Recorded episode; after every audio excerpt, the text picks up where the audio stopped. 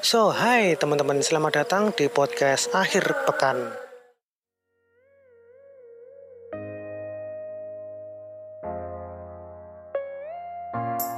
Uh, sudah cukup lama waktunya ketika aku melonceng podcast ini teman-teman. Sudah sekitar satu minggu aku belum rilis podcast lagi. Ya waktu yang cukup lama sih teman-teman. Satu minggu itu. Dan aku sekarang baru lonceng lagi nah kali ini aku sudah berada di uh, mana ini teman-teman? Aku, aku agak lupa.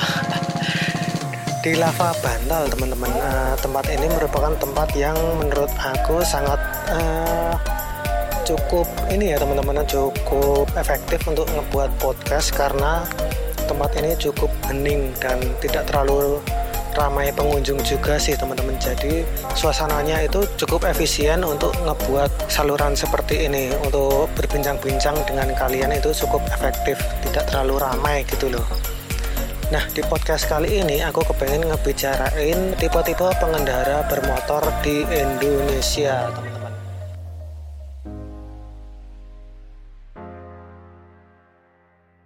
Uh, mungkin ini akan menjadi perbincangan yang lumayan panjang ya teman-teman karena tipe-tipe pengendara bermotor di Indonesia itu cukup banyak sih teman-teman.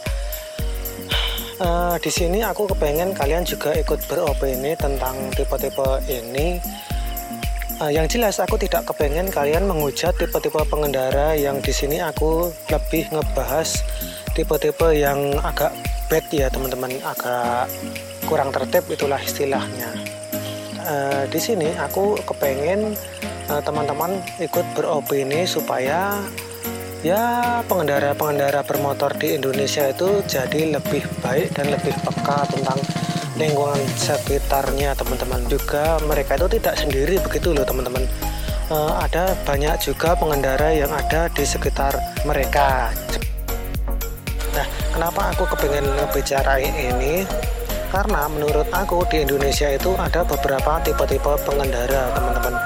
Dari yang cara berkendaranya itu biasa saja sampai pengendaranya itu lumayan ini ya teman-teman lumayan unik dan ya bukan unik sih tapi lebih ke ngaco sih teman-teman cara berkendaranya yang pertama adalah cabe-cabean teman-teman. E, sebenarnya istilah cabe-cabean itu sendiri aku juga kurang tahu sih teman-teman timbulnya dari mana.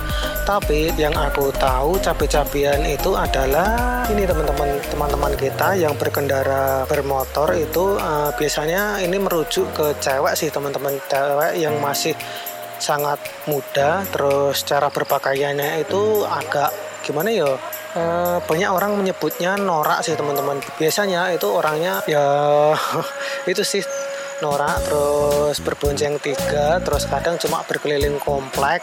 Ya seperti itu sih teman-teman.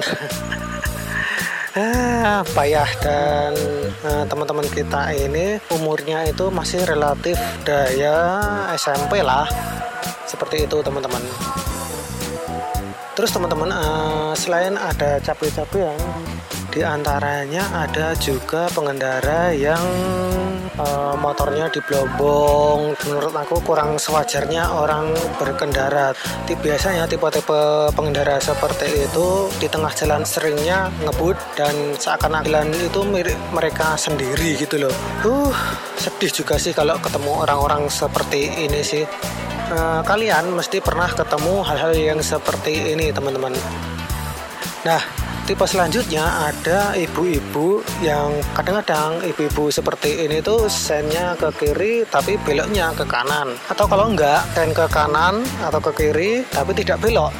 Nah kalau enggak itu mereka berkendaranya itu lambat dan agak susah disalip.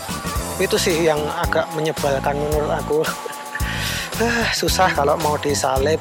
Takutnya dia belok tapi kalau nggak disalib kok menyebalkan di belakangnya itu seperti itu sih teman-teman gimana uh, pengalaman kalian kalau bertemu dengan hal-hal yang seperti ini? Uh, kasih saran ke aku ya cara-cara untuk menghadapi hal-hal seperti ini atau bagaimana trik untuk menyalip ibu-ibu yang seperti ini gitu loh. Uh, kalian bisa komen.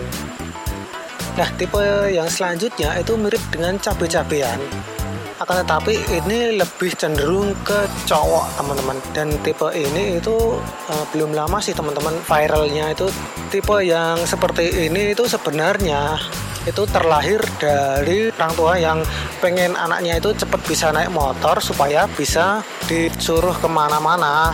Akan tetapi yang terjadi itu rata-rata anak-anak yang seperti ini ketika orang tuanya itu tidak di rumah mereka biasanya berkendara keliling kampung atau bahkan keluar tempat. Biasanya mereka itu berbonceng bertiga berempat dalam satu motor. Nah, yang uniknya itu teman-teman kemarin aku sempat uh, ketemu di sekitar desa aku dan pas aku ketemu mereka itu pas ketilang di salah satu pos polisi di dekat desa aku. Dan ya sebenarnya disuruh pulang untuk lapor ke orang tuanya supaya orang tuanya itu melapor ke polisi yang menilang itu tadi tapi tergandeng anaknya itu takut. Gimana yo? Yo yo masih umur segitu yo takut juga sih kalau disuruh lapor ke orang tuanya. Dan ya akhirnya cuma menangis di tempat menangis nggak bisa pulang karena kuncinya itu sudah diambil oleh pak polisinya itu tadi teman-teman. Sebenarnya aku di sini lebih kepengen menekankan kepada anak-anak kecil. Sekarang kok sudah banyak yang bisa naik motor dan banyak anak kecil yang berkeliaran di tengah jalan itu loh. Salah satu di antaranya aku itu pernah menemui ini teman-teman anak kecil yang ketilang di polsek sekitar desa tempatku. Sebenarnya ini juga sih teman-teman yang menjadi keresahan aku yang pengen aku suarakan. Kenapa? Banyak sekali anak anak-anak kecil yang berkeliaran di tengah jalan berbonceng bertiga atau berempat itu mereka berkeliaran di tengah jalan dan ya kita tahu sendiri anak kecil belum punya SIM.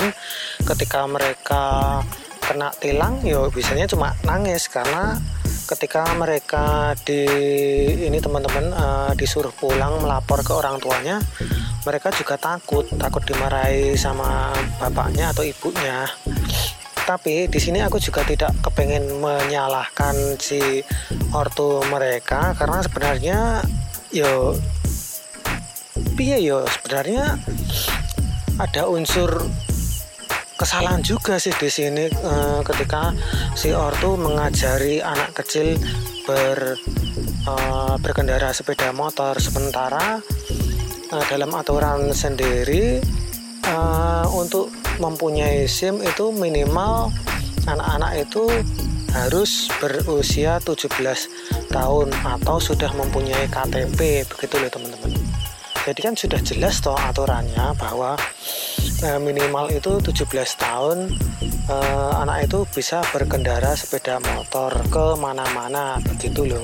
Jadi yo gimana yo nggak tahu sih ya, apakah di sini itu orang tua itu pengen ambil mudahnya dengan mengajari anak-anaknya yang terhitung dalam tanda kutip mereka itu masih kurang umurnya lalu diajari berkendara sepeda motor supaya bisa disuruh ke mana-mana untuk ya minimal membeli indomie di warung. Apakah itu yang terjadi atau gimana? Aku juga kurang paham sih Uh, jika kalian suka dengan konten ini dan kalian rasa ini bermanfaat, kalian bisa komen di podcast ini dan kalian bisa follow juga di podcast aku, teman-teman.